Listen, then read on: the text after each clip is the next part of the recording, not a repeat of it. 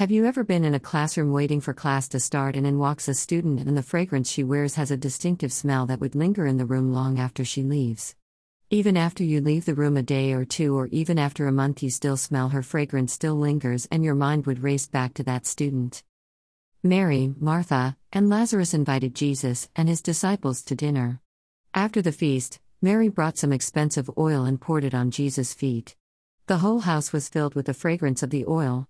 John 12:3 The fragrance became a blessing to everyone that night. A life fully devoted to the Lord will have a lingering effect of his own sweet fragrance. Sweet smelling fragrance can take us back to happy memories, so let's be a sweet aroma unto the Lord today.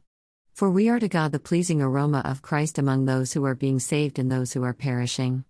2 Corinthians 2:15 As the aroma of Christ, what perfumes do Christians bring with them as they walk into a room? When we spend a lot of time with someone, we begin to think and act like that person. Spending time with Jesus will help us spend a pleasing fragrance to those around us.